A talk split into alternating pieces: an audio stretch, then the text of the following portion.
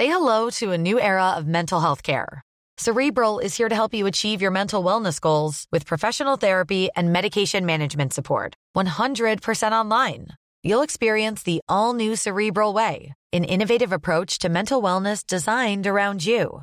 You'll get a personalized treatment plan from a therapist, prescriber, or both in a safe and judgment free space. Your cerebral therapist or prescriber will outline a customized plan with clear milestones along the way so you can get to feeling your best. With Cerebral, you're not alone in your mental health journey. We're here to empower you to live a fulfilling life. So take that first step towards a brighter future and sign up today at cerebral.com slash podcast and use code ACasts to get 15% off your first month. Offer only valid on monthly plans. Other exclusions may apply. Offer ends July 31st, 2024. See site for details. Quality sleep is essential for boosting energy, recovery, and well being. So take your sleep to the next level with Sleep Number. With a Sleep Number smart bed, you can individualize your comfort level and enjoy a better sleep night after night. JD Power ranks Sleep Number number 1 in customer satisfaction with mattresses purchased in-store. And now the Queen Sleep Number C4 smart bed is only $1,599, a saving of $300 only for a limited time. For JD Power 2023 award information, visit jdpower.com/awards. Only at Sleep Number stores or sleepnumber.com. Podplay.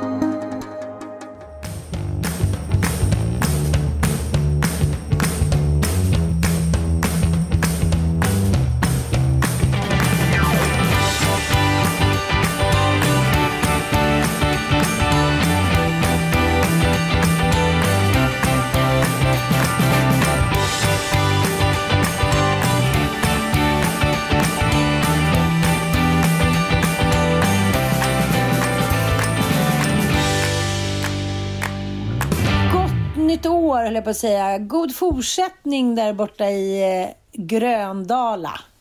Ja men tackar, tackar. Gud så glatt. Hur har hon det, fru Söderlund, uppe på fjälltoppen? Är det hon? Det är underbart. Alla ska iväg till skidskolor, eh, hyra skidor och liftkort. Jag har fortfarande inte kommit på skidorna, men jag tänkte när vi har poddat klart här nu så ska jag ge mig iväg i detta fantastiska snölandskap. Det kommer typ en halv meter snö som vi kom i förrgår. Så att det är bara, det har snöat liksom hela nätterna så vaknar man upp till Ja men du vet, det vackraste vykort av vykort. Så att det, det är någonting med snö alltså. Man känner Det är sig... så härligt att stälka i fjällen. La, la, la, la, la, la, la, la, la. Mm. Och Ja. Dante han sitter här hemma så att nu kommer jag med pom Pompas frittas och hamburgare. Mm.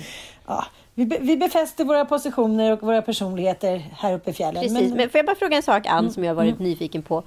För du säger alltid att barnen vill åka. Det är barnen som vill åka. Men är det inte så att det är Ann Söderlund egentligen som vill åka och sen måste hon skriva om det till att det är barnen som tycker det är så roligt? Nej, men de tycker det. Alltså, nu åker vi med, med Frida Urban också. De har ju barn i samma ålder. Så att då blir det ju extra roligt liksom. Att de är lite äldre och det tycker Bobo är coolt med Beppe liksom. Men jag menar, mm, Mattias är också en fjällkille. Ossian älskar det. Nej, men jag tycker nog att vi alla... ja, Ni är Kanske fjällisar? Ja, men inte, ja, inte liksom kanske uttalat med, med Ilon och Dante på samma sätt, men vi andra är ju det. Alltså, vi kör ju ändå så här, typ en, två gånger varje år och så har det ju varit sedan de var små. Sen vet, sen vet jag inte hur mycket vi har åkt, men vi, vi är i alla fall i fjällen. Mysigt, mysigt. Som du hör så är jag uppenbart bitter eftersom jag själv då ja, kände en liten, en liten ilning utav någon form av huvudvärk. Eh, torsdagen innan, eh, innan dopparedagen så att säga. Och sen så fortsatte det här liksom. Och till sist så var jag så här. Fan, alltså imorgon ska vi upp till liksom Gävle, vi ska upp till Tällberg. Den här huvudvärken ger sig inte och det började visas en liten, liten grad på febertermometern också. Ja. Eh, jag bara, "Nej, men jag får ju åka in och kolla mig, det är ju inte mer med det. Nej, och nej. mycket riktigt, så coviden var be- bekräftad. Ja, var herregud bekräftad. alltså. Dagen innan dopparedagen. Det kan säga att det landade inte helt väl hos barnen. Nej, nej, vad sa du då? Gud vilken ångest, särskilt när du skulle Ja, det ha var dem i så år. fruktansvärt. För de har ju också sett fram så otroligt mycket mot att komma till Gävle och liksom Tällberg. Alltså det var ju som att det var ju som att det blev pyspunka på julen. Vad fan ska jag säga? Ja, herregud. Men, men förlåt, men jag tycker det är lite spännande. Hur sa du det? Nej, jag, jag, jag förberedde dem faktiskt innan jag skulle ta testet. Jag bara, jag mår lite dåligt. Vi hoppas att det inte är någon fara. Men om det är det, då måste vi ställa oss in på det här. Och sen kollade vi på Lilla Aktuellt och så pratade vi om covid och vad, vad som gäller och vem Stefan Löfven var för Tom Allan och att det är han som har bestämt det här och så vidare. Och berätta om Joels föräldrar. Ja, men du fattar. Så att så här, de var liksom med på det. Så, sen kan de ju alltid teoretiskt vara med på det. Men sen när beskedet kom, då var det ju en glad stor gråtning som pågick i tre timmar. Och det var så fruktansvärt, för min, min lilla lillskit, Tom Allan, han är ju ändå alltid liksom på min sida. Alltså Ja. han, han, han, liksom, han är alltid med mig. Nej, han var så arg på mig alltså. Alltså han var så arg på mig. Det var, det var faktiskt det som gjorde onda, ska jag säga. Men På vilket sätt? Vad sa han då? Nej men han ville inte ens prata med mig. Jag gick in på rummet och stängde dörren och så höll i för dörren för att jag inte skulle komma in. Och han var liksom sur på mig. Sen så kom som tur var Joel hem. Han hade redan åkt upp till Gävle. Eh, så han kom ju hem då för han blev ju hemskickad då från sin karantänlägenhet som han satt i där uppe. Eh, från mamma Eva. Så eh, då kom han hem på julaftonskvällen. Och han var alltså inte med mig överhuvudtaget i kanske 24 timmar. Du skämtar? Nej, han var så arg. Nej, Jo. Och Nej sen, fy eh, fan! Ja, Vadå, hemma i lägenheten? Ja, nej men han var med, liksom med Joel. Jag fick liksom inte vidröra honom ens. Alltså, det fick jag ju inte då, men om du förstår vad jag menar. Nej men vadå, så på julafton så hade ni typ inte pratat med varandra på... Nej, men då hade det ju gått ett dygn. Liksom. Så ja, men bort efter lunch någon gång så började han släppa lite på det. Liksom. Äh, för fan vad jag tycker synd om dig nu. Nu tycker jag så Ja, synd om dig så jag nästan börjar lipa. Nej, Det var Det inte kul för dig. Det var inte kul, men också så här. Dels sög det ju fett att vara den, den som sabbar julen. Två så sög det ju att också vara mamman Ja, i sammanhanget. jag fattar. Men gaddade de ihop sig? Nej men de var ju upprörda. Men jag måste säga jag fick 100% backning av Kalle där. Så han liksom hjälpte till att hantera situationen. Och sen kom Joel. Så att vi var ju ändå tre vuxna på två barn. Det, det löste sig. Jag tror att hade inte Joel kommit hem från Gävle, vilket var plan nummer ett. Det hade inte funkat. Nej. Nej, nej. För jag menar, även fast man får det milt, det fick ju jag också, så är man ju inte pigg alltså. Nej men så här, jag har ju inte liksom, jag har ju kanske haft feber tre dagar totalt. Och sen Ja. så hade jag huvudvärk som satt i ganska länge. Ja. Och så lite muskelvärk första två dagarna. Men sen så på det stora hela har jag ju mått bra. Mm, men däremot har jag ju varit sänkt som att jag har haft en infektion i kroppen. Men, Ja, den, ja. Har inte, men den känslan har jag inte haft på tre dagar nu. Mm. Eh, och liksom varit ute och powerwalkat och börjat småträna lite och sådär. Liksom. Jag tar inte ut mig på något sätt. Men liksom lite försiktiga grejer bara sådär. Jag, fick ingen feber, ingen huvudvärk, men ändå tyckte jag så här... Det blev liksom aldrig bättre. Det var som att man var i en så här kroppstöcken. Jag hade så ont i kroppen och så trött. Men alltså, jag ska säga så här. Jag har nu eh, mött, mött min överkvinna. Vi brukar ju säga så här, bakis med barn är det vidrigaste som finns. Men corona med barn. Ja, verkligen. Äh. Det var stora syrran alla dagar i veckan. Äh, för fan. De, vill ju, de är ju inte liksom eh, trötta eller påverkade eller någonting. Så de vill ju att allt ska fortgå. Så bor man i en lägenhet i stan. Nej, jag är glad att jag haft det ska jag säga. Jag är glad att jag haft det. Ah, det säger jag bara. Alltså glad att jag haft Nu räcker det för fan alltså. Idag så ska vi prata om Ja, men det är ju detta. stora, det är stora nyårskrönikan idag. Ja, det är några stora smällkaramellen. Ann och Anitas smällkaramell. Exakt, vi kanske, det kanske faktiskt förtjänar en liten egen vignett, eller? Det tycker jag. Det tycker jag.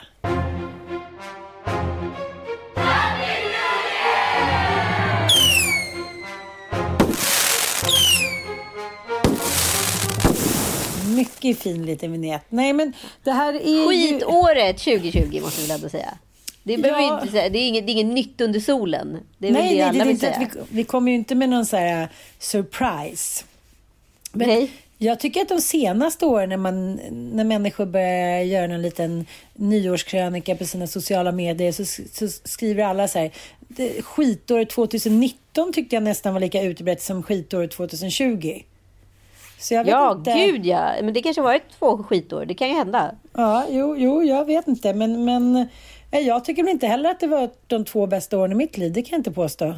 Nej, gud nej. Men det känns ju, det är lite fostrande också på ett sätt kan man väl säga. Eh, eller kan i alla fall vi säga som inte blivit jättesjuka i covid och förlorat någon ja, närstående. Absolut, liksom. absolut. Men, men eh, absolut, eh, det, det har varit skitår för väldigt många i Sverige just i år. Och vi ska väl ta oss igenom det här årets eh, händelser. För man måste ju ändå säga att det här året har ju stuckit ut från ja, de övriga hundra åren tidigare innan mm. spanska, fram till spanska sjukan så har det faktiskt inte varit en pandemi på det här sättet. Och mm. eh, låt oss eh, ta oss an det här. Mm. Jag måste bara flika in, jag är lite stolt över Bobo. Han åkte skidor med med... Eh, Okej, hur kom det här med fram? Alltså herregud. Då sa han så här, ja det har varit mycket, mycket sjukdomar som den där spank spa, spanska sjukan också. Då känner jag mig ändå som en stolt mor. Inte för att jag har lärt honom det. han men, men, begåvar sig på annat håll. Eh, för att uppenbarligen så har Hans Söderlund inte hjälpt till. Ja, han poddar va? Har jag en podd till? Mm, kan jag ha en podd till? Nej, nej, det kan jag inte. jag poddar ändå. Jag poddar. Jag, poddar, jag sänder live dygnet runt. Du vet, apropå, det här kastar oss ju snabbt in på en av årets stora Instagram-trender generellt 2020. Det är ju själva lajvandet och det hänger väl kanske ihop med den stora, vad ska vi kalla det för, mm. turnédöden som infann sig. Alla liksom stora live-events ah. från stand-up comedy till eh, live-scen, liksom konserter dog och idrottsevenemang. Mm. Precis, och det, det, är några som jag kommer ihåg extra mycket och det är Dels när Arnold Schwarzenegger satt på sitt mansion med olika små hästar i storlek typ small, eh, en halv mankhöjd, gick omkring och han sa att let's do this together. Jag kan inte ens härma honom tydligen. Och även Madonna som så här, har fått en helt ny innebörd. Och det har ju skrivits en hel del krönikor om det, att kändisarna som inte får någon airtime får ju panik. Uh, så då börjar de sända, ja, men lite som jag, man sänder lite vad fan som helst och tror att folk är intresserade. Men det som, som har hänt är ju att det finns ju liksom ingen win-win i det. För att, för att anledningen till att de är kändisar är ju att man ser dem... Ja, precis. Och bländar då och då. Inte att de sitter och så här borstar tänderna eller sitter och drar en vinare eller tränar. Eller Nej, men det, det, är lite så att, att kändisar och vanlisar uh, har närmat sig varandra och kändisar kommer aldrig... Jag tror att det blir svårt för dem att få tillbaka den liksom, statusen som de hade nu när, när, när de har fallit så mycket på något sätt. Förstår du vad jag menar? Kändisen är ju död i sociala medier. Alltså jag får ju så här...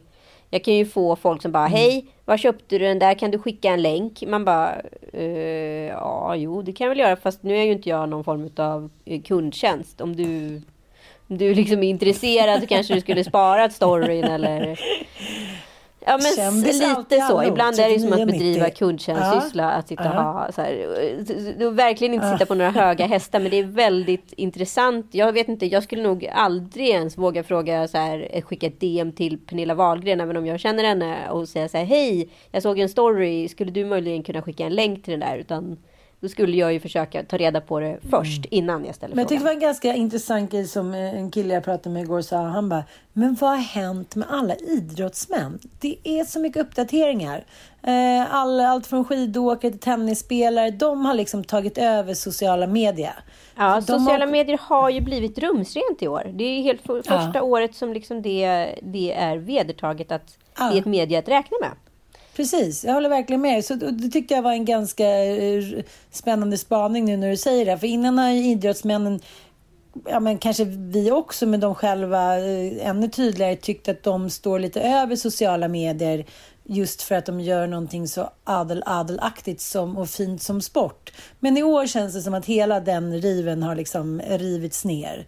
Uh, nu är liksom alla med på tåget och tycker så här, men det här är väl roligt att visa upp sig och det här är väl roligt att kunna tjäna lite stolares på och, och liksom hänga kvar in the limelight. Äh, men jävligt intressant. Ja, mycket bra. Min, min mm. kära sambo har gjort en otroligt rolig eh, eh, nyhetskrönika på sina stories. Mm -hmm. Sen ska säga åt honom att han ska spara så att folk kan titta på det i några dagar. Eh, mm. Och eh, där har han också konstaterat att eh, profilen Martin Melin, han har lagt upp hela 730 stycken selfies under 2020. Va? Mm, det är På ändå, Instagram? Ja, det är två per dag skulle man kunna säga då i snitt. Det är ett bra snitt. Det är ett bra snitt. Ja. Dottern har varit med på typ 99 procent av dem. Nej, det skulle jag inte säga. Jag skulle säga att hon har varit med på 30 procent av dem. Men, mm. eh, men eh, absolut, det, det, är många. Det är lite som när du vill åka skidor. Du tar med dig barnen. ja. Men jag måste bara fråga en grej. Du som ändå är så social media-expert. För det är någonting i det där som fascinerar mig lika mycket varje gång. Att jag får så många likes när jag lägger upp en selfie. Vad är grejen med selfie-vurmen? Liksom, Varför tycker folk att det är så kul att se mig och mitt face? Eh, it's, nej, men jag vet inte. Alltså, nej, nej, men jag, det hänger bara ihop med att eh, sociala medier i mångt och mycket är ju... Alltså, det är ju visuella medier. Och det är personliga medier. Och då tycker väl folk att det är väldigt personligt då. När du lägger upp en selfie, helt enkelt. Ja, ah, ändå märkligt. Ah. Ändå märkligt. Backa bandet lite känner jag? Det går fort fram här. Eh, ja, men och, och liksom ännu tydligare om man nu är riktigt snabb på bollen så kan man också se att exempelvis så har ju JLC eh, eh, I just wanna be cool och eh, Leif och Billy som också är liksom från början två stycken eh, killar som Alfred och Claes som har varit stora på Instagram som har sen fått flytta in på SVT. Kanske är de allra första utav de här gängen. Och nu har mm. även liksom I just wanna be cool som vi också sett vid två år i rad i julkalendrar och eh, nu senast JLC med serien, komediserien Pappas pojkar.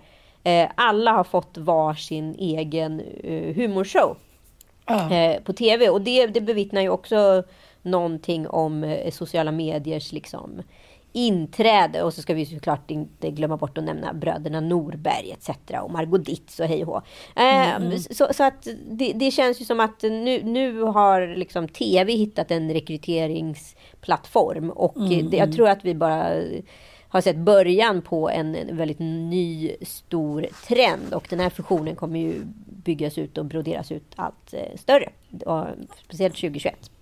Och Pewdie, Pewdiepie Uh, han är blivit Det kändes för... ju väldigt 2021 att prata om honom. Ja, jo, men, men, han, men det blir så här konstaterat han har blivit god för en miljard. Liksom. Så det är så här, ja. man, man kunde tänka sig att det var liksom en fluga som man brukar säga, men det är det verkligen inte. Utan män och kvinnor och ungdomar och barn från nätet fortsätter ju liksom, eh, ja, trona eh, liksom i alla medier nu. Det är ju ja. någonting, precis som du säger, som har ändrats, att de kommer in liksom i gammelmedier också. Exakt, och gammelmedier har, har ju länge som jag upplever det varit ganska så här bakåtsträvande och också liksom mm. själva tryckt ner sociala medier-kändisar lite. Har det varit liksom ett lag på Fångarna på fortet så har det varit så här eh, eh influencerlaget. Att ja. det har kategoriserats som en egen kategori. Fullaget. Ja. ja, men lite fullaget. Så har vi, mm. vi har A, B och C och så har vi influencer. Alltså den typen ja, av rangordning på kändisar. Mm. Men nu verkar det som att så här, influencers har gått upp en eh, pallplacering på den där A, B, C-listan. Liksom. Mm. Ja, mycket spännande, mycket spännande. Jag tror att det här kommer vara helt ombytta roller inom ungefär tre års tid. Men året började ju ändå i februari kanske vi ska säga. Eh, där superspridaren med en glad visselpipa dansade loss på en, på en afterski. Det mm. superspridaren då gjorde, det var ju att han... Det här var ju exakt samtidigt vi fick larm om att det hade kommit ett virus i Kina som absolut inte skulle nå Sverige. Eh, och det påstods absolut inte finnas i, vad heter det, i eh, Schweiz. Men där var ju ungefär hela Stockholms, eh, Stockholms eh, överklasselit och förlustade sig med vanlisar. där superspridaren då gick runt med den här visselpipan. Vis, blåste man i visselpipan så fick man alltså en shot. och med den shotten så var ju coronan ett mm, faktum. Mm. Så kan vi säga. Men det är ändå så, liksom, det är sån eh, ironi att man blåser i en visselpipa för att parta loss. Och så, så liksom, ja, Beteenden. Ja, kan inte mm. du uppleva att det här har förändrat? Alltså jag märker att jag, nu, jag tittar på så filmer och serier och ser folk som pussas, kramas mm. etc. Dricker från samma mm. glas. Att jag så här, reagerar på att så här, men gud vad daterat. Mm. Fast det var ju liksom bara glada tolv månader sedan.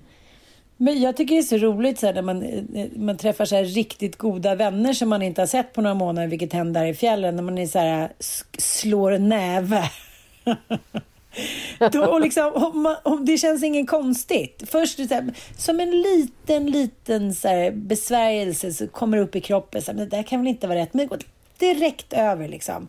Det var verkligen året där människor slutade kramas, tycker jag, på gott och ont. Och, ja, eh, för kramen blev daterad. Ja, och jag kan också känna så här, det har kramats för mycket kan jag känna. Och eh, med, med, med, för många och kanske ibland fel personer. Nu är det ju verkligen så här, de som kommer få kramarna i framtiden är ju de som är de som man hänger med.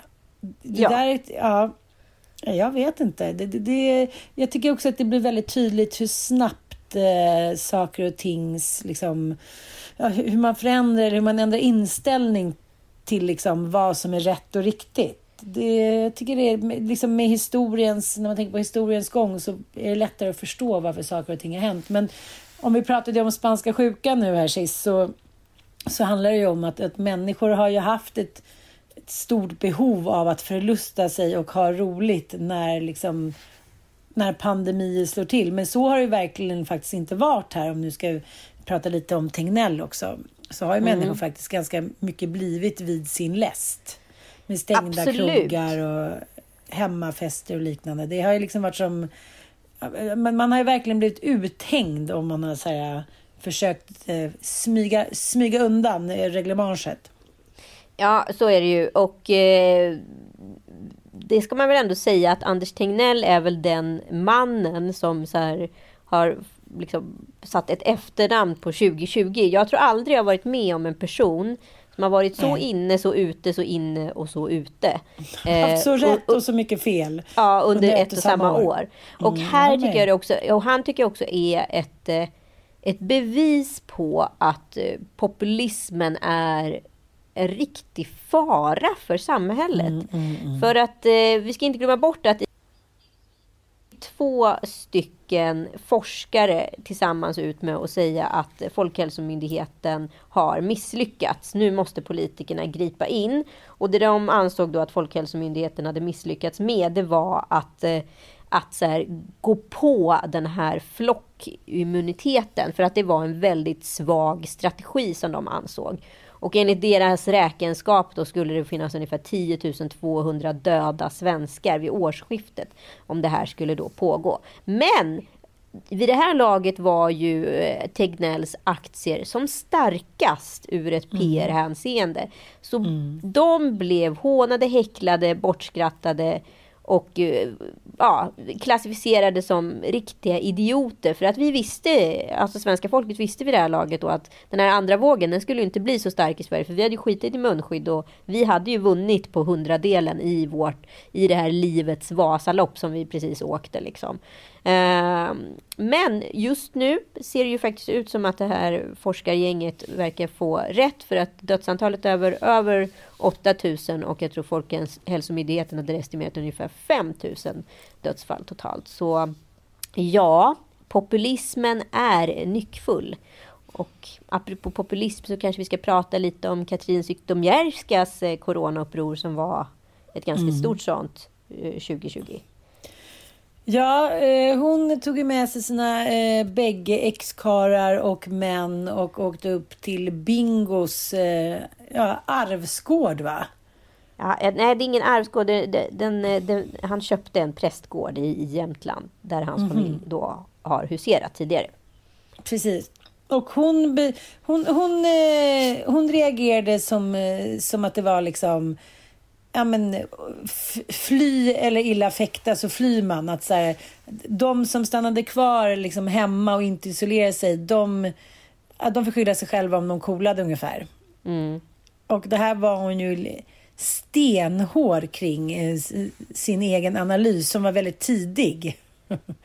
Men sen så när hon hade varit där uppe ett tag så blev det ju tråkigt såklart. För det är ju när man har, speciellt när man har sina ex-karlar med sig, inte sina vanliga karlar, så var det väl inte så mycket som hände där. Men hon eh, hamnade i alla fall, satt sig i fäboden och gick in i polemik med en av Sveriges eh, mest välrenommerade professorer inom då eh, pandemier och liknande. Absolut. Jag måste säga så här, jag, jag, jag ger ändå Katrin eh, för bålsen att våga göra sånt som jag själv aldrig i helvete skulle våga utsätta mig för. Sen Nej, det så... var kudde. Jag vet inte vilken sorts kudde man hade liksom för ansiktet då, men, men någon form av skam och svett och dit. Ska vi lyssna lite på eh, den här, faktiskt i SVT, ja. vilket också är lite, ja, lite noterbart.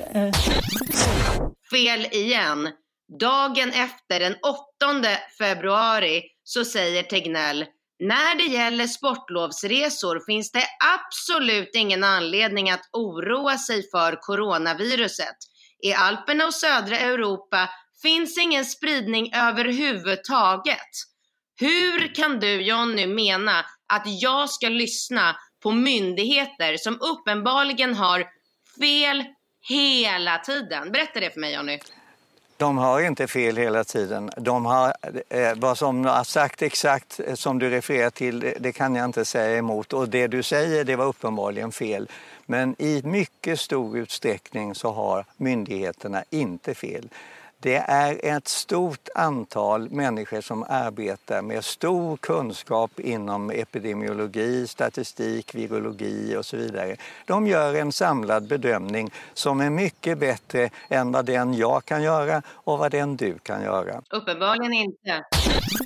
Ja, alltså sen, eh, sen var det ju annat ljud i skällan inför eh, liksom pandemi nummer två då på hösten när innan det då slog till och blev nattklubbsförbud och, och eh, etc.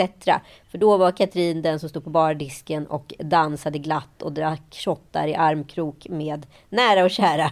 Och glatt dokumenterade detta på Instagram stories. Det kanske är, det är lätt att vara, eh, vara här och nu. Kanske lite svårare att vara långsiktig. Så kan vi säga. återigen så tycker jag att det är populismens år och det såg vi också tecken på där. Men, men eh, vad ska man säga? Det, det som var ännu mer signifikant var också att det visade sig sen att hon hade haft corona och varit ute på stan i en vecka innan hon förstod att hon hade haft det. Just det, precis. Ännu, ännu mer underhållande på alla sätt och vis. Uh, Detta vis demonstrerade hon också glatt och sen att äta en rå lök på Instagram. Den råa löken förlåter allt för man inte har någon smak. I och för sig ikoniskt. Ja, och sen så, eftersom det här är våran podd så har ju vi möjlighet att då berätta hur fantastiska vi är och säga hur dåliga andra människor är, tänker jag. Så. Och då tänker jag att det var ju någonting som ändå vi var väldigt snabba på. Det var ju ändå gift vid första ögonkastet. Den ja. där boomen som hände mellan ja. Elina och Jakob. Den, det var ju några utav våra toppnoteringar det här året. Mm. Så kan vi säga. Precis. Och vi har, både du och jag har ju tittat på Gift vid första ögonkastet. Ja, men det är väl Framförallt du, olika... eftersom du har refererat till, till Elias bröllop ungefär 2800 gånger. Ja, men jag tycker faktiskt att den här säsongen var fantastisk. Ja, men tv när den är som allra allra bäst tycker jag. Jag tycker ju faktiskt att säsongen var ju katastrofrisig eftersom det inte hände någonting. Men sen kom ju boomen och räddade allt. Och där blir jag ju väldigt glad att det var det som räckte för att ändå ge eftersmaken av det här eh, säsongen av Gifta vid första ögonkastet som en riktig rysare. Ja, men jag tycker ändå att bröllopet mellan Jakob och Alina är också en väldigt så här vad ska man säga, finger i luften för så här, Sverigedemokrater, alla människor som, eh, ja men rasism överhuvudtaget och liksom eh, troll som ligger och, och, eh, och kastar skit så, så här, på invandrare och liknande. Att, så här, ja, vilket, vem vill du helst gifta dig med? Vilka tycker du verkar roligast? Jakobs föräldrar satt och klappade lite försiktigt och på andra sidan var det liksom dans och fest och skoj och eh, lurendrejeri och liksom härligskap.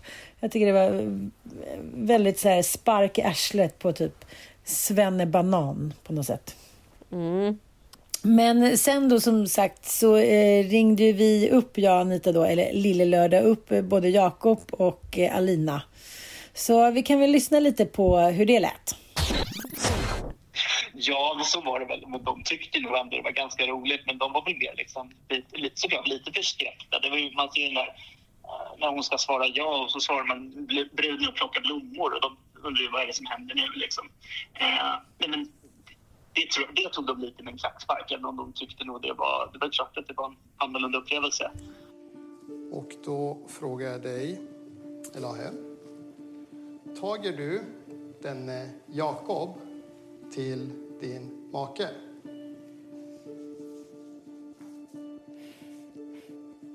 Bruden är och plockar blommor. Ja, bruden är och plockar blommor var, var. Och sen när jag då mig in i knivdansen, liksom, precis som du säger, Svenne Banan, kille som inte är speciellt bekväm att dansa, ska, ska lite stelt försöka hänga med i knivdansen där. Ja, så det var ju en upplevelse. Ja, vad ska man säga? Det är väl blandade eh, reaktioner.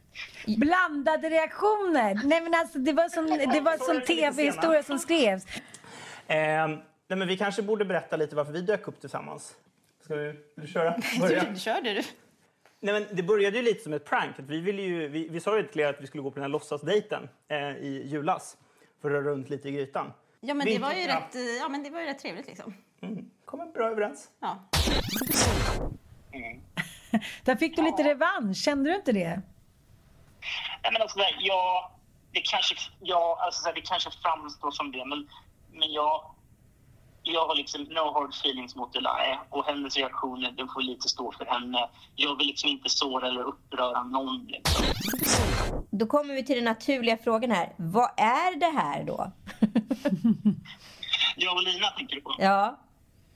Ja, vad ska man säga? Har hon varit i Tbilisi? Hur träffades ni? Vi vill veta allt. Mm.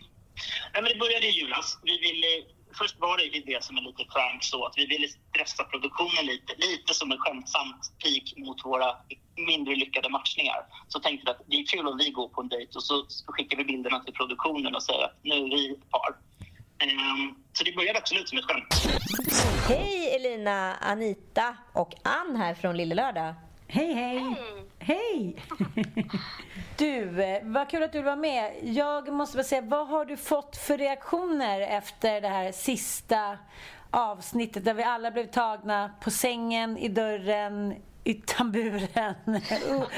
ja, hur reagerade folk? Eh, de flesta har ju tyckt att det har varit väldigt kul. Eh, alltså så här, roligt för oss. Jag har fått så mycket liksom, kärlek och eh, glädje och eh, lyckönskningar och eh, så. Eh, alltså det är väl det som de flesta fokuserar på skulle jag säga. Sen är det klart att vissa tycker att eh, men att de eh, tycker att det, det är taskigt och okänsligt mot Albin. Men här måste man ju också komma ihåg att det har ju gått ett, ett halvår sen, sen liksom vi hade vårt break eh, och vi har ju pratat med varandra sedan dess eh, och vi har ju också eh, han har ju gått vidare på sitt håll liksom så. Eh. Kanske om ett år igen bara ta en uppföljning på vad som ja. hände sen. Ja, det tycker Precis, jag. Vad hände sen efter vad hände sen? Exakt, ja. en dubbel vad hände sen? ja, det låter kul. Ja. Ha det så bra, tusen tack. Tack snälla. Hej hej. Tack själva. Hej då, hej då. Ja, spännande var det. Jag tycker jag är mm. mycket mm. stolt över detta lilla eh, skop mm. som vi möjliggjorde där. Kändes också, det var perfekt i, på något sätt att sätta Lille Lördag på kartan igen och att vi är ja. med i matchen. Ja, vad snyggt. Ja, vad härligt. Ja. Eh, Mm. och sen har det här varit liksom e- ett bråkens år. Det kan vi väl ändå säga. Jag har en massa bråk här som jag tänkte att jag skulle lista till dig. Eh, Mhm. Och så får du, kan väl du bara liksom referera till de här lite. Ja, underbart. Mm. Eh, ja, vi börjar ju då starkt med ett eh, kraftfullt bråk eh, söderöver i Sverige. Det var ju då Zlatan-statyn som blev vandaliserad när Zlatan då har gått in som delägare i fotbollsklubben Hammarby. Detta är en skymf mot alla Malmöbor, va? Ja, men jag är faktiskt lite benägen att hålla med om jag ska vara helt ärlig. Det är ju en konstig kovändning. Har liksom stått för allting så här. Malmö, Rosengård, eh, ja men du vet, eh, liksom den, vad ska man säga, en, historien från bakgården och rännstenen upp till högsta ligan, bla bla bla. Och sen bara går han in och så här, köper loss typ 80 procent av Bajen. En så här Söderkis eh, klubb med så här, som är minst lika anrik, om inte mer, än, än Malmö. Äh, jag tyckte det var lite märkligt och det tyckte ju många i Malmö också. Det var ju ett sånt jävla svek. Så de skar ju av hans eh, ja, väldigt eh, säga, världsberömda näsa kan man säga. Ja, verkligen. Och, Han börjar se ut eh, som en Ronaldo-staty där i slutändan. Och den har inte satts tillbaka. Jag vet inte av vilka... Det var svårt. Det tog lång tid att reparera den där näsan. Tydligen. Ja, eh, och sen har det ju varit andra typer av bråk. För det som sker då i en, i en pandemi eller en, vad ska man säga, en pikär stressfull situation där folk tenderar att bli av med jobben. Det är ju ändå bråket om kulturbidragen som stod på tapeten. Det var inte kul där att heta Jill Johnson ett tag, där man så här checkade ut den fetaste checken från kulturapanaget. Nej, eh, men det var väl också, också tycker jag var ett tydligt tecken på hur förvirrade alla var där i början. Eh, Gud, ja. Staten ville visa sig välvillig så att alla fick söka men de som behövde pengarna hade ingen aning om hur man sökte för de hade inga liksom, fett betalda agenter som satt och fyllde i de här 60 sidors ansökningarna som var tvungna. Så det var liksom Ja, Jill Johnson, det var nå- vem var det mer som Ja, det var ju de som hade råd att ha anställda helt ja, enkelt. precis. Men, men de flesta lämnade väl tillbaka sitt apanage. Jag vet inte hur Jill gjorde. Hon hade ju ändå sex Nej, hon valde att behålla sitt faktiskt. Jaha du. Nej men hon, eh, om, om man tittade då på Jill Johnsons företagskonto som, ja det är ju helt öppet. Det kan man ju gå in och kolla på ditt och mitt också. Det, det finns inte lika mycket pengar där. Men på Jill Johnsons fanns det ju dryg, dryga 6 miljoner om jag inte mm, helt minns fel. Precis. Mm. Men eh, till exempel Benjamin Ingrosso valde att betala tillbaka det, som han, ja, det bidraget han hade fått. Men Jill valde helt... Eh, ja, hon, eh, hon tyckte att hon behövde dem, den där 50 000 eller vad hon fick. hon Ja, och det blev hon ju kritiserad eh, för utav bland annat eh, Tommy Körberg då. Ja, han, tyck- gick ut. Ja, han tyckte också att Bosse med, med Dockteatern i, i Höganäs var mer förtjänt utav de där 50 000. Säga om man, vad man vill om eh, kvaliteten på underhållning, det har ingenting med saker att göra. Men klart att Bosses Dockteater ska överleva. Eh, Det förtäller inte historien då om eh, huruvida Patrik Sjöberg, som har nu gått ut med att han då är pank och inte har råd att betala hyran för att hans eh, ja, besparingar börjar ta slut då eftersom hans tv-produktionsjobb och liknande har varit lite, har varit lite skralt med inkomsterna. Men, så han försökte sig på då en podd. Just det. Det var många som Precis. startade podd det här året. Ja. Vissa mer lyckosamma, vissa mindre lyckosamma. Patrik Sjöberg då och hans, eh, hette han Alexander Guldtand? Mm. Ja. Alexander Guldtand Salin. Ja, ursäkta. ursäkta. Eh, De ville vara en kontroversiell podd som vände och vred på ja, olika samhällsnormer och ja, bland annat på då stripteasen som de tyckte att de ville på något sätt vad ska man säga, uppa kan man säga lite. Ja, alltså liksom Mm. på, på något sätt hitta en rätt, eh, fär, eller rättfärdiga vinkeln striptease under någon form av post metoo-flagg. Det gick sådär kan vi väl säga. Ja, det blev ett himla liv. Nina eh, Rungs. Vilka har vi Mm. mer på listan? Sissi Wallin. Etc. Det gick inget bra. Nej, det gick inget bra. Och eh, det här gjorde ju då Patrik Sjöberg så jävla upprörd. Mm. Han tyckte nu, för han pratade ju mycket om att det var ju oftast att det var schyssta killar som var på de här strippklubbarna. Och då ville han ju visa det. Och jag tror att Guldtand också, de strippade för att visa då att det här var inget, inget mer med det. Och det här var tjejer som liksom eh, mådde bra och alla skulle försvara sig till slut. Men det blev ändå lite platt fall. Jag tror inte att, att, att de Guldtand och Patrik fick in så mycket mer klirr i kassan just på de här poddarna. Nej, men däremot så är det några andra som fick klirr i kassan på grund av coronan. Och här kan vi också prata om de här infekterade paniska bråken. För Hedda Care-bråket tog ju ändå väldigt mycket mediautrymme där under en period. Mm. Då självaste huvudägarinnan eh, Camilla Läckberg eh, valde helt enkelt att dra sig undan sin egen uppstartade organisation som hon har då eh, haft tillsammans med Kristina Saliba. Precis, och hon menar då att Kristina Saliba och eh, invalda i styrelsen hade gått bakom hennes rygg och gjort sånt som eh, Camilla Läckberg då inte stod för i och med covid-tester. Och eh, det här är sånt som brukar ske bakom stängda dörrar på kontor på fina Östermalmsadresser. Men det här skedde helt sonika öppet på i alla fall Camilla Läckbergs Instagram. Ja, eh, och Mm. även fortfarande skulle jag säga på Kristina Saliba eh, konto. Där hon berättar om vilka som är riktiga vänner och det är olika citat från olika saker som ber- berättar för hur man vet vad som är en riktig vän och trohet. Ah, det är många små subtila tecken de två emellan då och då. Det verkar i alla fall som att eh, Camilla Läckberg glatt har vänt blad, bytte PR-agent och eh, skrev helt enkelt tv-serien Lyckoviken som sändes under 2020 på eh, ja, via Play. Precis. Ja, sen till det stora uppbrottet det här året. Det har ju ändå skett ett och annat. Men det sto- största uppbrottet är ändå Nicole Falciani och Erik Sade. Oh, herregud. Några glada veckor innan bröllopet ska gå av stapeln så har alltså Erik valt att avsluta relationen med Nicole. Utan att riktigt förklara varför. Bilden på Nicole Falciani i sin liksom, slöja där hon sitter i Expressen. Den är fortfarande på något sätt episkt talande för detta. Hon har ju också då släppt en bröllopskollektion med Bubble Room som ska lanseras i samma veva som bröllopet. Den här kollektionen har ju inte någon plan på att ställas in trots att Nej. bröllopet inte gick av stapeln. Hur den sålde eller inte, det vet vi inte. Det förtäller inte historien. Men här har vi också några som har, någon som har ältat eh, sveket i media ganska länge. Framförallt eh, på sociala medier. Ja, och eh, e- Erik de Sade, han gick ju snabbt vidare och träffade en ny tjej och förklarade då att han gjorde slut för att han inte hade mått bra då i den här relationen på mycket länge. Det var ingen som förstod varför och inte, ja, inte bruden heller. Så att, eh, men jag vet inte. Det, det- det är en viss typ av eh, män som verkar göra slut på... Mest, var, var inte han likadan mot Molly? Sandén? Eh, Ja, ja, jag vågar liksom inte uttala mig om unga människors känsloliv på det där sättet. Men eh, det, det finns säkert sina förklaringar åt höger och vänster.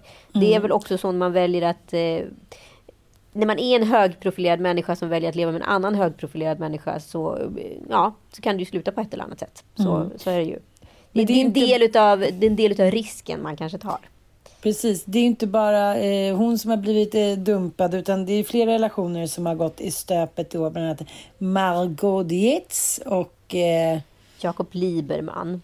Precis, eh, men det blev det inte så mycket ja, så mycket rubriker om faktiskt.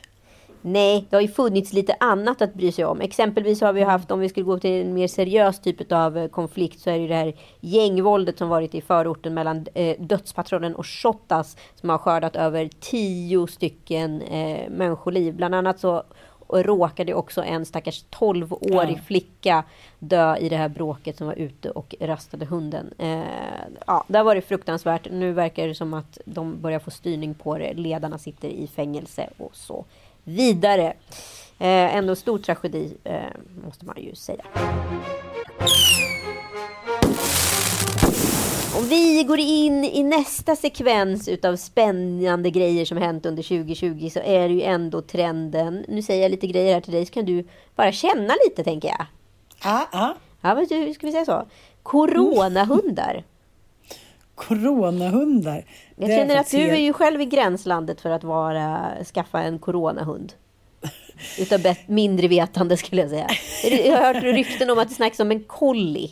Du vet att en collie Ja. ska typ gå fyra mil per dag. Jag vet. Nej, det har jag, det har jag, det har jag ta- tackat nej till. Igår har jag även att en, en, en liten gullig eh, golden retriever med överbett fick inte bli komma till vår familj och det har ingenting med överbettet att göra utan att, att vi inte känner oss mogna. Vi måste suga lite på coronahundskaramellen men Ja, jag tycker att det är ganska jag tycker det är ganska roligt när man går in på Blocket till exempel så är det mycket eh, såna här liknande rubriker.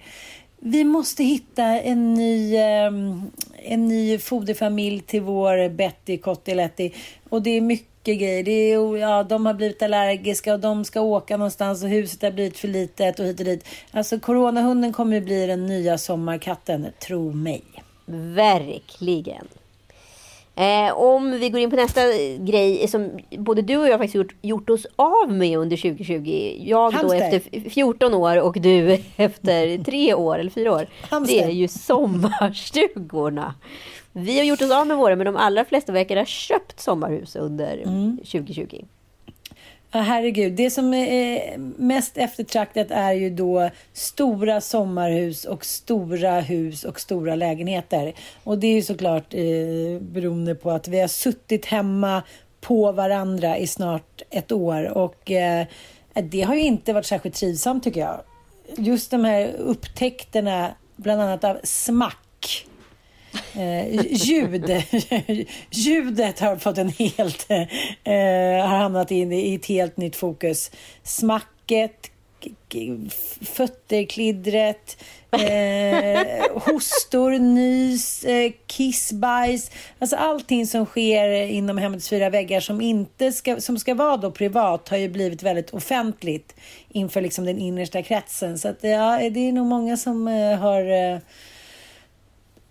tröttnat på sina nära och kära det här året. Och också på något sätt så har man ju kommit närmare. Vi har gått tillbaka till något bondesamhälleliv.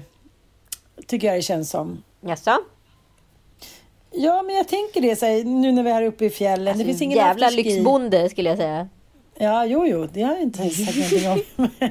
Men jag tänker att jag fick verkligen vibbar av att vara så här, på, i Idre på 80-talet med mina föräldrar. Man har med sig lite matsäck, man åker hem till stugan och äter. Det är ingen afterski. Det är liksom, det finns inget utbud längre. Och det jag tycker jag fattar. faktiskt är- det är ganska skönt tycker jag. Ja, ja, Mm. absolut, absolut. Ja, ja, here, here, kan man säga. Mm. Men saknar du din sommarstuga? Nej, men det gör jag inte. Utan, men däremot så kan jag sakna någonting som jag skulle kalla för ett weekendhus, vilket jag är på ständig jakt efter. Min, min dröm... Ja, exakt. Min dröm är ju på något sätt att egentligen kanske ha en trea i stan som jag har de veckorna när jag har barnen. Eh, Mm. Men sen har jag också möjligheten att ha en, liksom en, ett mindre bohag i närheten utav Stockholm. Kanske Mm. några glad, inom en glad timmes radie. Mm. Eh, som jag kan åka till på helgen, också med barn. Där Mm. man kan bo och verka. För då får man liksom lite utav båda världarna känner jag. Ja, naturens återkomst har ju verkligen eh, skett med pompa och ståt och vandraren i oss har ju blivit, eh, ja, har ju tagit ett kliv framåt. Det har varit väldigt mycket vandrare Oh, ute ja. i naturen, ute i fjällen och hit och dit. Och, Ja, det gick ju alltså inte att komma upp till Abisko nationalpark överhuvudtaget mitt i glada juli för att då var det nämligen fullt på vandringslederna. Eh, det, det kunde man ju inte tro i början utav året. Själv fick jag ju då en, eh, vi har varit ihop i tre års eh, present utav Joel som var en bergsbestigning utav Kebnekaise. Det tyckte jag personligen var lite hardcore från speciellt en man som har gjort sig känd som Mr Hälsporre för hela svenska folket på Instagram. Men också eh, för en Mattias som... favoritfilm. Ja, för, men också en som då aldrig vandrat mer än två mil. Nej. Nej. Så ni hamnade istället i eh, Grängesberg. Vi hamnade ingenstans med vår vandring. Nej. Den, den avslutades innan den ens hann uppstartas, om vi säger så. Mm. Nej, det ska bli intressant lite att se också hur det blir här när vaccinet eh, börjar verka, jag på att säga, mot april där. Se hur många eh, relationer som också pyser ut i någon form av ja, kras eller snas. Det ska bli, Ja. eh, ska bli Jag, tror intressant. det, jag tror det är det stora skilsmässoboomen skulle ske här i september som det traditionellt gör då. Men på grund av de knapra tiderna så tänker jag att det Precis. kommer inte ske förrän under våren. Nej. Nej. Så är Nej, det. det, Och- vi och, eh, återkommer om det. Ja, det är exakt. Sen så bara kan vi dra en liten, några grejer på listan här lite snabbt. Tokbunkring, inredningshets, videokonferenser, hem, mästeråret. Eh, ja, det, det är inte så mycket mer att säga liksom. Nej, nej. Bara Men konstatera. Videokonferens är väldigt spännande också, tycker jag. Att, eh, där tycker jag blir väldigt tydligt de här, den mänskliga kontakten med blickar.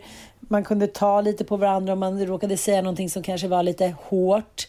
Det, har blivit, det, blir väldigt, eh, det blir väldigt speciellt att inte ha den mä- mänskliga beröringen, tycker jag.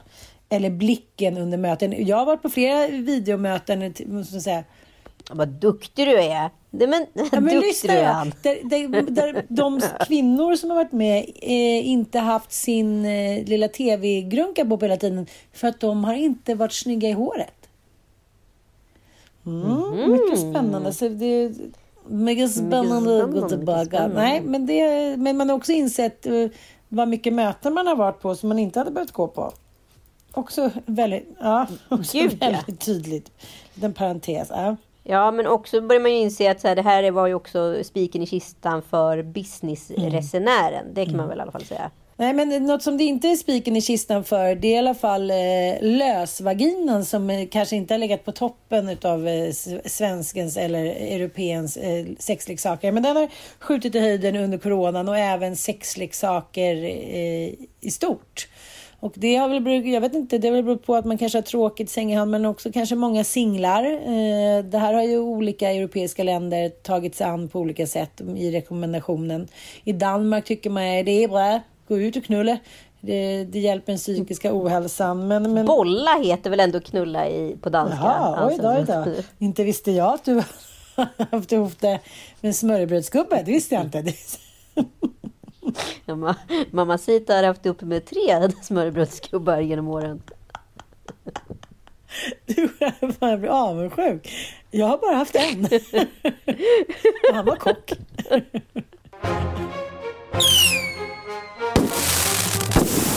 Ja, nej men det har inte bara varit ett eh, eh, tokfnissår på poddhyllan. Det har faktiskt varit också ett väldigt tragiskt år. Vi har, många stora profiler har gått ur tiden. Vissa för tidigt, vissa fullt rimligt. Max von Sydow blev ju faktiskt nästan 100 år innan han trillade av pinn. Eh, Adam Alsing alldeles för tidigt. Sven Wollter också egentligen alldeles för tidigt. Pio Enquist, Anita Lindblom, Kristina Lugn, Diego Maradona. Ja, stora namn har lämnat oss det här året och de kommer aldrig glömmas. Har skrivits in i historien på ett eller annat sätt. Men det har ju inte varit helt... Vi är inte klara med skandalerna än. Det är vi inte. Det är vi aldrig. Nej, det är vi aldrig. Ja, bortåt... Är det, är det här... eh, Nu ska vi se här. Jag tror att det är i maj klockan 19.10 så ertappas alltså hela Sveriges italienare Paolo Roberto på en bordell i centrala Stockholm. Där han har varit inne och fått sig ett efter jobbet nyp. Ja, Eh, ja, detta är ju då en skandal som tar till liksom, nya höjder. Och lite senare efterföljs denna skandal utav eh, Stefano Cantenacci som anklagas för eh, sexuella trakasserier på Operakällaren eh, källaren, eh, på, av personal där. Det, det är ju verkligen eh, skandalöst att eh, det har varit männens år. Och kollar man på liksom dokumentärerna som har släppts på Netflix så har det varit dokumentärer om eh, Jeffrey Epstein, Harvey Weinstein, nu senast var det om han D.S. Khan. Eh, det är otroligt att det är så många män som ändå liksom börjar få eh, det är otroligt att det är så många män som börjar liksom eh, trilla dit. för sina egna perversioner. Kan man säga så? Så kan man verkligen säga. Eh, men Catenacci, där trodde ju alla att han skulle åka under metoo. Så han levde ju på lånad tid. Så det får väl han vara glad för. Paolo sticker ju ut om man jämför eh, med de här andra högdjuren. Så var det ju faktiskt han som spikade sin egen spik i kistan. Och gick ut då utan att konsulta någon advokat eller PR Ja, eller på korset snarare. Han korsfäste sig glatt inför hela svenska folket. Nej, det... Det är alltid bra med en PR-byrå nu ibland. Nu så har jag hört att det senaste att han håller på att labla om då eh, Paolo Robertos olivolja och så komma ut under annat namn. Mm, det låter väl rimligt. Det är ju inte hans företags fel att han fuckar upp om man säger så. Eh, rektor Hamid, hela Sveriges lilla fa favoritrektor som också haft ett väldigt hyllat sommarprat visar sig ha twittrat under falsk identitet eh, och eh, ja, varit både antisemit och eh, kvinnohatare etc. Homofob också, glömde du. Ja, ja Ja, det brukar hänga med i, i paketet om man säger så. All in one när det kommer till sådana där åsikter. Och det här påverkade ju också vårt liv i, i, i nära, i, i, nära kärlek, jag säga. Då Sanna Lundell då som hade spelat in eh, sin... Livets match. Precis, livets match. Vi får inte säga hur det gick, men då fick åka tillbaka till Göteborg med Plura. Och eh, spela om programmet. Precis, och då gick det inte lika bra. Men eh, ja, så det, det, det, det, fick många ringa på vattnet, även för oss. Ja, verkligen, mm. verkligen. Ja, men det har inte bara varit skit och elände i världen. Bianca Ingrosso bällade alltså 60 miljoner på första rundan utav Kaja Cosmetics eh, första försäljning då och riskintag mm. så att säga. Eh, det var alltså till hennes egen del utav inkomsten. Nu ska de göra Make It Big in Asia och Daniel Wellington har då klivit in i bolaget och ska göra samma typ av resa fast med typ Asiens motsvarighet till Bianca. Så det här... Eh, det men enkel, enkelt räknat mellan tummen och pekfingret om allting går som det ska så kommer nog Bianca Ingrosso själv vara värd runt ungefär en miljard kronor om cirka två och ett halvt år. You go girl, säger jag bara. You go girl. Och ska vi prata om andra typer av bolagsförsäljningar så ska vi bara gratulera Isabella Lövengrip att hon lyckades sälja Lövengrip Invest och Lövengrip Cosmetics eh, innan eh, corona drabbade Grevens tid, världen. det måste... Eh, ja, det var ju en ganska, liksom, vad ska man säga, tragisk sorti när man läser intervjun med henne, att hon inte ens minns hon eh, hittade ju, ja, enligt egen utsago, så det är inte jag som svartmålar, så ljög hon då för personalen och hon satt ju då... Eh, Isabella hade ju själv lagt in sig på psykakuten för att hon mådde så otroligt dåligt och eh, under den här tiden då så var hon tvungen att gå och möta sin eh, kollega, affärsbusinesskollega och skriva på det här lukrativa avtalet då. Sen gick hon tillbaka till psyket och minns inte ens att hon har varit därifrån. Nej, det vet vi ju inte bara Isabella om det stämmer eller inte. Mm. Men hur som helst så hela bolaget såldes för, ja det är en bra historia.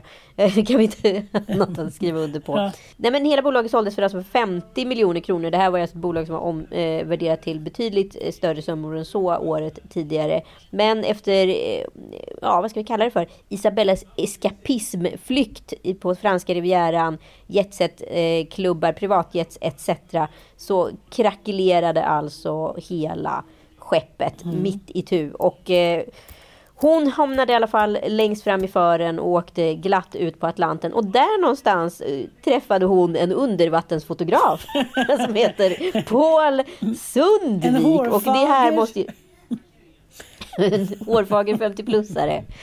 Tvål och hårfager. Ja. Och det här har ju alltså då bjudits på en ny form av Isabella Löwengrip. Först efter en liten varumärkestvätt och så här Being Isabella och allt vad det hette, Falling Down och hej och hå.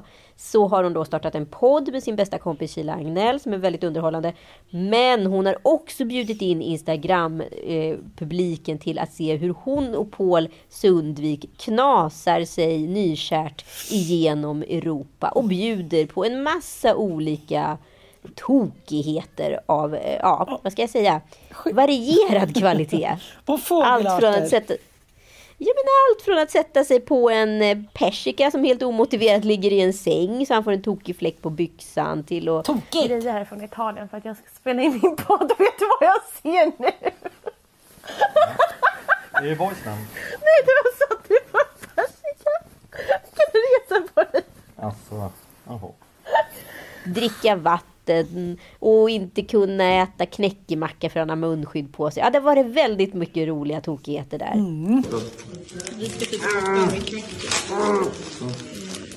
Ja, jag hade ju masken. Ja. Och jag skulle nästan våga säga att det här var årets romans. Om det inte var så att Lotta Engberg och Soldoktorn hade blivit ihop. Ja, det, det, det smäller faktiskt ettor högre, det måste jag säga. För det här är... Jag, Det är ju en match made in heaven. Nej, men det, det, det, det, de är de första, de mellersta och de sista kärleksparet på denna jorden.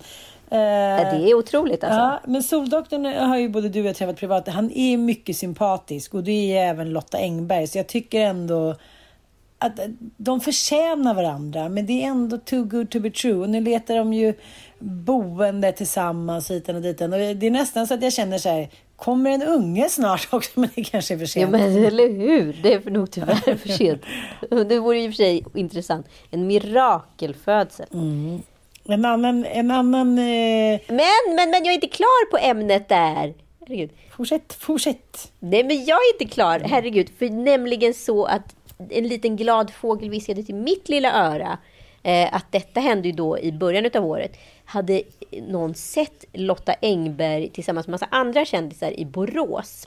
Eh, och på flygplatsen springer min väninna rakt in i en Lotta Engberg som står och kysser en Lasse Berghagen. Va? Och när båda då blir sedda, då blir också båda perplexa och så här som att det var någonting fuffen som hade liksom lite skett. Ja. Ja, under bordet så att säga. Jag förstår, jag förstår. Men var det här någonting som skedde ute på gatan eller i en lönnkrog? Nej, nej, nej. Det var bakom, bakom typ eh, några så förvaringsskåp som jag har förstått det. Och det här är vi helt det säkra var- på. Det är vi väldigt säkra på, men eh, det här är alltså innan Soldoktorns tid. Jag vill bara vara tydlig med det. Så att, eh, för jag var nämligen helt säker på att hon och Lasse då skulle inleda en romans. För om jag förstår det är han också singel. Men så blev inte fallet. Nej. Lotta va? Lotta. Kvinnornas kvinna. Ja, och Soldoktorn, eh, allas man. Ja, jag jag det- sagt så här. Alla mäns hatobjekt. Det måste vara så här, Peder Fredriksson, Ernst Kirchsteiger och Soldoktorn. Han är hotet för alla andra män i Sverige. Ja, det där är också lite paradoxalt eftersom det är ju inte män som man fluktar efter när man går på gatan. Och en annan man som man tyvärr inte fluktade efter när han gick på gatan för 34 år sedan, det var Skandiamannen som faktiskt nu blev dömd för mordet på Olof Palme. Han har ju då jäckat polisen eh, i många år och själv försökt eh, få uppmärksamhet genom att eh, vara vittne till mordet. Men när detta då inte har funkat så har, eh, har han helt enkelt tagit sitt eget liv. Och tyvärr är alla spår bortraderade och resten är historia, det vet vi. Men han är i alla fall dömd för mordet på Olof Palme. Det är en perfekt lösning. Kostum. Mm. Absolut.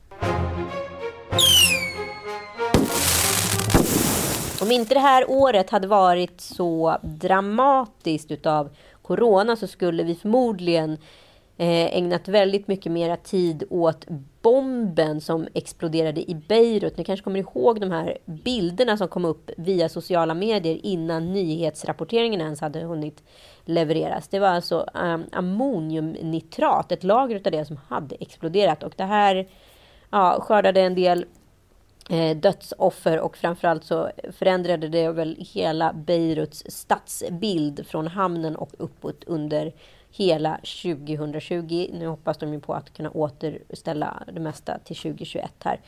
Eller under 2021. Så eh, hej, heja Beirut säger jag. Mm. Ja, en annan grej som jag har tyckt varit väldigt intressant att följa det är ju Belarus. Eh, alltså Mm. Alexander Lukasjenko har ju varit någon form av diktator, även fast sådana inte får förekomma i, i no- länder som nästan håller på att bli invalda i EU. Eh, och, Nu är eh, det ganska kört känns det som. nu är det ju väldigt kört för Alexander Lukasjenko. Han har ju hela tiden haft liksom 100% backning utav eh, Putin som agerat någon form av joker för honom. Men i ett uppror som man tidigare sällan skådat så har alltså hela landet vänt sig emot de här dopade, fejkade valen. Och Svetlana Tjianovskaja leder alltså landet just nu eh, på avstånd.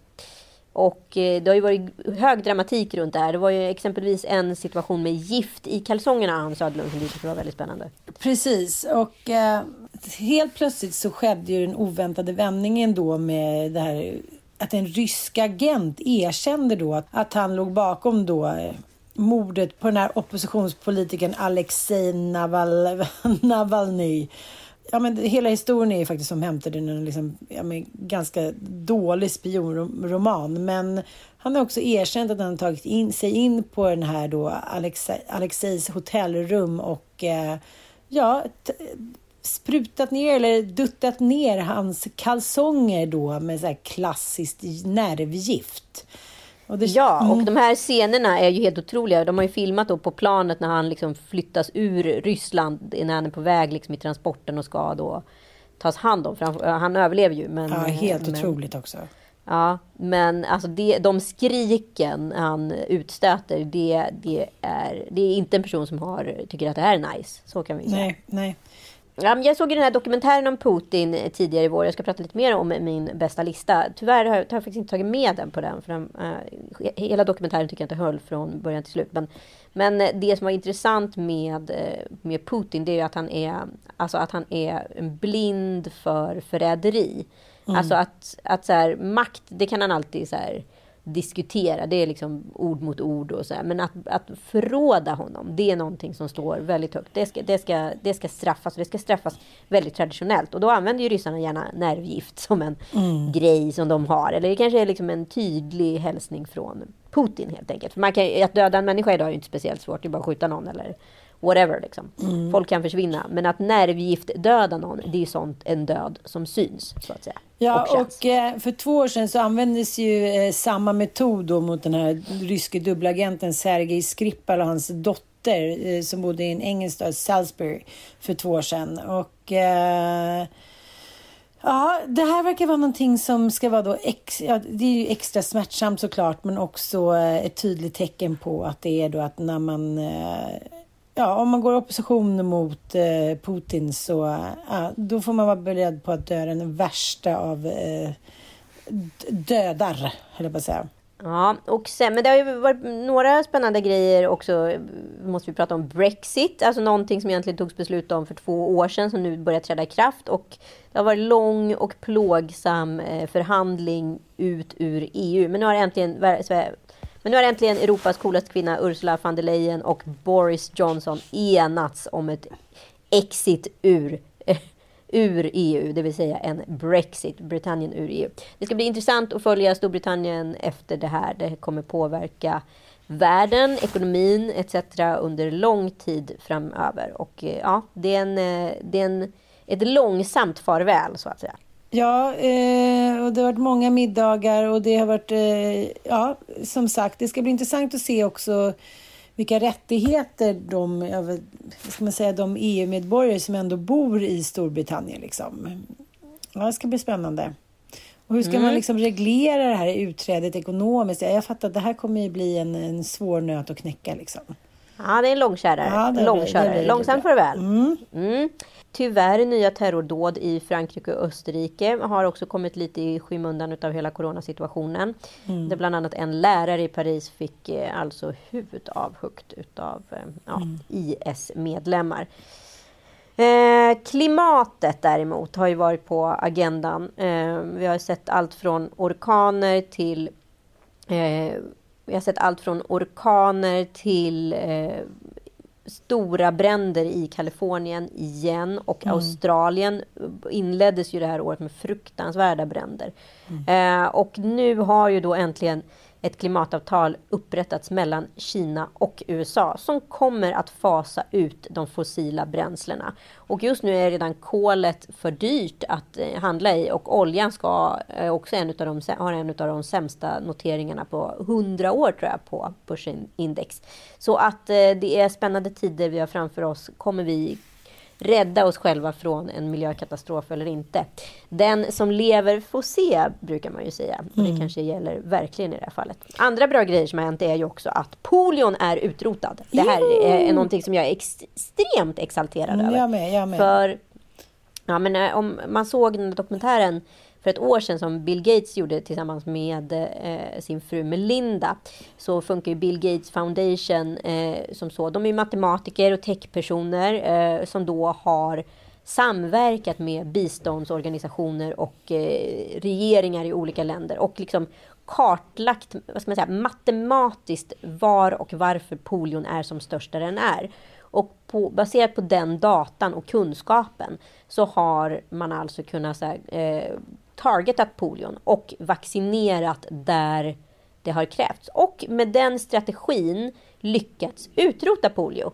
Och det här är en helt ny typ utav supermakt som jag tror att vi kommer få se mycket mer av i framtiden. Mm. Eh, då liksom staten allt mer kollapsar i alla länder och eh, teknokratin blir allt viktigare. Och eh, det kommer bli väldigt tydligt också under 5G-implementeringen som vi hoppas att Ericsson får hjälp med. Precis, men, men det som är så fint, som inte jag heller riktigt visste, det har ju inte registrerats något fall sedan 2016. Men eh, nu kan man ju liksom säga att hela så här, afrikanska kontinenten är helt fri från den här vidriga sjukdomen som faktiskt min gammel farbror Ero råkade ut för och vid tio års ålder. Ja. Kolera och polio, hemska sjukdomar. Snart är båda utrotade helt enkelt. Mm. Andra roliga grejer som också hände tycker jag då var att Skottland gick i bräschen för att erbjuda gratis mensskydd. Tycker jag var lite otippad. Ja. Det hade man ju inte sett komma, måste man ju säga. Nej. Men li- lite vet vi om Skottland, Ja. Hans Söderlund. Jag måste lite kolla under kilten. Och Sudan förbjöd könsstympning. Det är väl också en, en väldigt eh, stor grej som har hänt. Och också att det här eh, samkönade äktenskap fick ökat stöd i flera länder. Så eh, ja, det tycker jag kändes, det är vissa grejer. Och sen Kamala Harris. Absolut. Ja, Trump, Biden och har ju påverkat i alla fall oss i norra Europa jättemycket. Vi som är, vi som är på World Value Map extremer så har ju ändå USA och världen börjat komma åt vårt håll. Så vi slipper vara så ensamma här borta på kanten med våra radikala åsikter och eh, progressiva idéer om livet. Det, det är ju skönt. Eh, hela Biden-Trump-valet har ju varit en nervrysare För från början till slut. det, var- det, ja, det var liksom, det var som att ha en genomkörare på typ en månads tid. Man var helt slut när det där var Ja. klart. Och det var ju inte slut då, men... men eh, It ain't over till the fat lady sings. Nej. Men det verkar faktiskt som att det är slut. Mm, och mm. Trump har förlorat valet i alla instanser. Mm. Eh, och valet eh, kantades ju också utav Black Lives Matter-rörelsen som eh, kom sprungen ur det grova amerikanska polisvåldet. Ja, och sen då eh, fallet George Floyd som faktiskt tycker jag mer än något annat eh, senaste åren har satt fart på på samtalet kring eh, rasism. Och det gäller inte bara eh, den tydliga rasismen som syns genom, ja vad ska man säga, som ett mord som i det här fallet George Floyd, utan även eh, blev det ju väldigt tydligt också när statistik kom fram då att eh, om man var svart eller invandrare både i Sverige och Storbritannien och andra länder så löpte man mycket större risk att dö under en förlossning eftersom det finns någon, eh, inte i Sverige kanske, men i alla fall i Storbritannien och USA att, att, att svarta kvinnor då har eh, ja, är mer som djur då och tål smärta bättre. Det har verkligen varit ett starkt uppvaknande för mig det här året angående vardagsrasism och liknande. Och eh, samtalet måste fortsätta. Men en sak som jag tycker är väldigt positiv, eh, som, det är också sådana saker som hamnar under radarn, men allt det här med de här olika statyerna här i världen, allt från Nya Zeeland till Storbritannien till USA. Eh, människor då som ska vara för, historiska förebilder och som har varit allt från eh, ja, slavägare eh, och eh, uttalade rasister och liknande. Och jag bara tänker tillbaka, liksom, ja, men det här är ju inte mer än typ 40 år sedan i, i, i, liksom i England. Så när Eric Clapton till exempel står under en konsert och säger så här, ja, men liksom, vi vill inte ha de här svarta som svärtar ner hela vårt land och hit och dit. Så att rasismen har ju varit väldigt öppen alltid faktiskt. Och eh, nu ja. är det lite som metoo-effekten att så här, nej, det, det, går inte att, att bete sig hur fan som helst. Nej, men jag tänkte verkligen på det. Jag har suttit och kollat på massa romcoms här i julen. Mm. Eh, någonting slog mig att det var ändå ett glatt uppvaknande. För att i filmen Love actually, är ju en av de stora romcom-komedierna, hade redan blivit daterad. Mm. Ett på grund av att de hela tiden har någon obsession runt en tjej som överhuvudtaget inte är tjock, som de kallar tjock. Mm. Vet, hon som är gemålet för Hugh Grants karaktär som ja, Prime det. Minister. Ja. Mm. Och eh, nummer två är ju också att, det, vilket är den sinnessjukaste scenen, det är ju den och Keira Knightleys karaktär som gifter sig med en dödssnygg afro, eh, liksom ang, anglosax, jag på säga.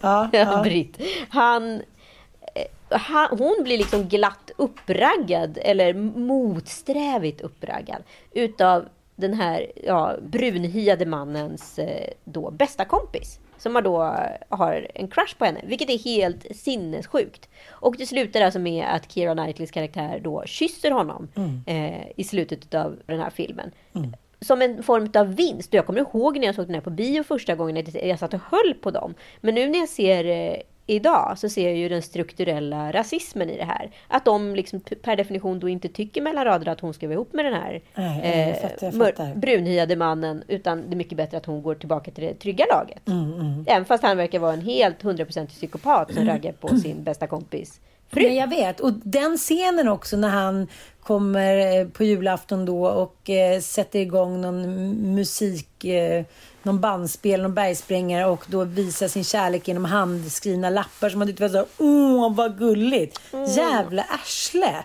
Det är mycket alltså, som skrivs om. Arsle. Ja, och jag ja, och också... bara att kolla på Bridget Jones också. Herregud, herregud, herregud. Det är så roligt. Nej men alltså, du förstår ju att han så sexuellt trakasserar ju henne. Den här mm. Daniel Cleaver som hon är så kär i. Också en Hugh Grant-karaktär för övrigt. Ja, jag vet. Men, men man måste, det är läskigt hur man bara så här har lapat i sig allt. Jag tänker också på Little Britain till exempel. Eh, de har ju fått ta bort, eh, liksom, de har ju tagit bort flera eh, säsonger. Just för att de har fått så jävla mycket klagomål mot hur de liksom framställer personer med annan etnisk bakgrund än brittisk. Och de säger själva så här, vi skulle ju aldrig ha spelat in, ja, de har ju liksom ånger då över de här vissa av skämten, Little Britain.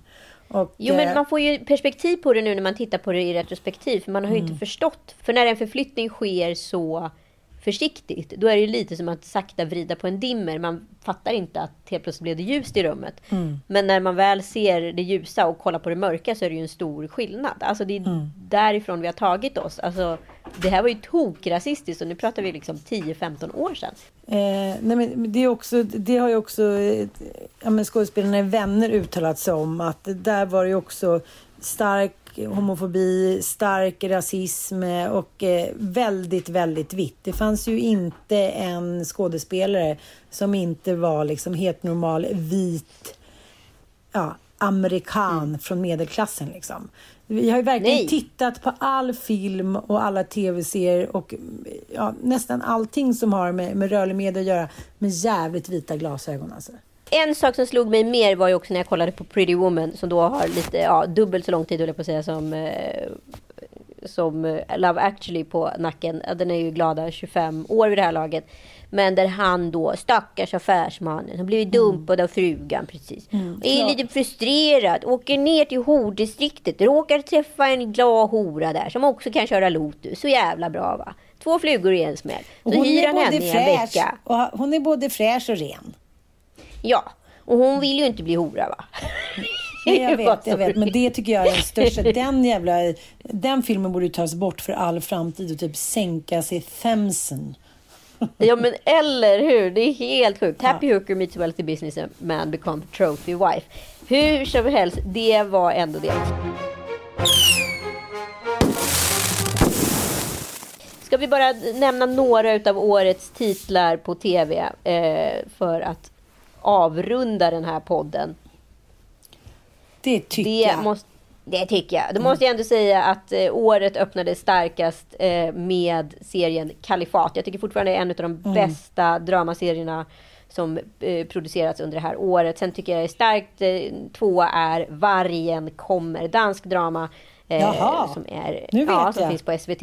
Nu förstår jag. Ja. Ja, ja. Ja, mycket, mycket Den bra. har jag inte Eh, sett ska jag villigt erkänna. Nej, då har du någonting Mm. framför dig. Det är bland det bästa jag sett. Alltså. Och sen så Queens Gambit som vi båda är väldigt förtjusta i. Ja, otroligt. Och sen har jag ju det här året också plöjt alla säsonger utav Falsk identitet. Och säsong fem utav Falsk identitet hade jag alltså premiär nu i år. Och det var även den sista säsongen utav Falsk identitet. Jag måste säga att det, är, eh, det här franska mästerverket är också bland det bästa jag sett.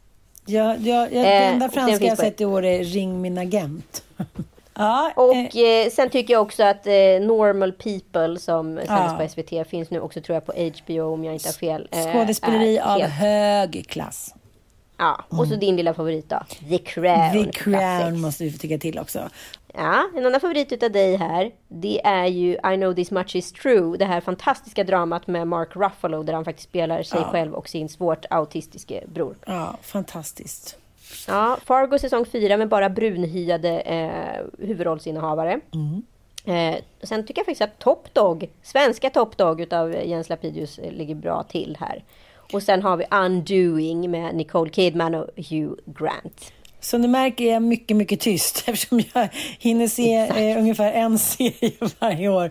Men jag tänker att eh, det kanske är nu här uppe i Orsa Grönklitt som det ska ske.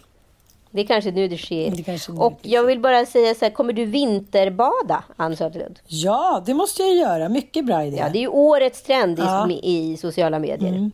Vi vinterrullade oss igår i snön, så det skulle jag kunna lägga ut någonting på här. Det tycker jag låter som en strålande idé. Det ser mycket fram emot att se vidare på sociala medier. Och stort lycka till nu med resten av semestern. Och så ses vi helt enkelt 2021. Ja, och gott nytt år till alla er. Vi är så glada att ni är med oss nu när vi är Ja. tillbaka i poddfållan. Ja, vi är så tacksamma och stolta över våra lyssnare som är så aktiva och coola och eh, förkovrar oss som vi hoppas att vi förkovrar er. Puss! Puss och kram!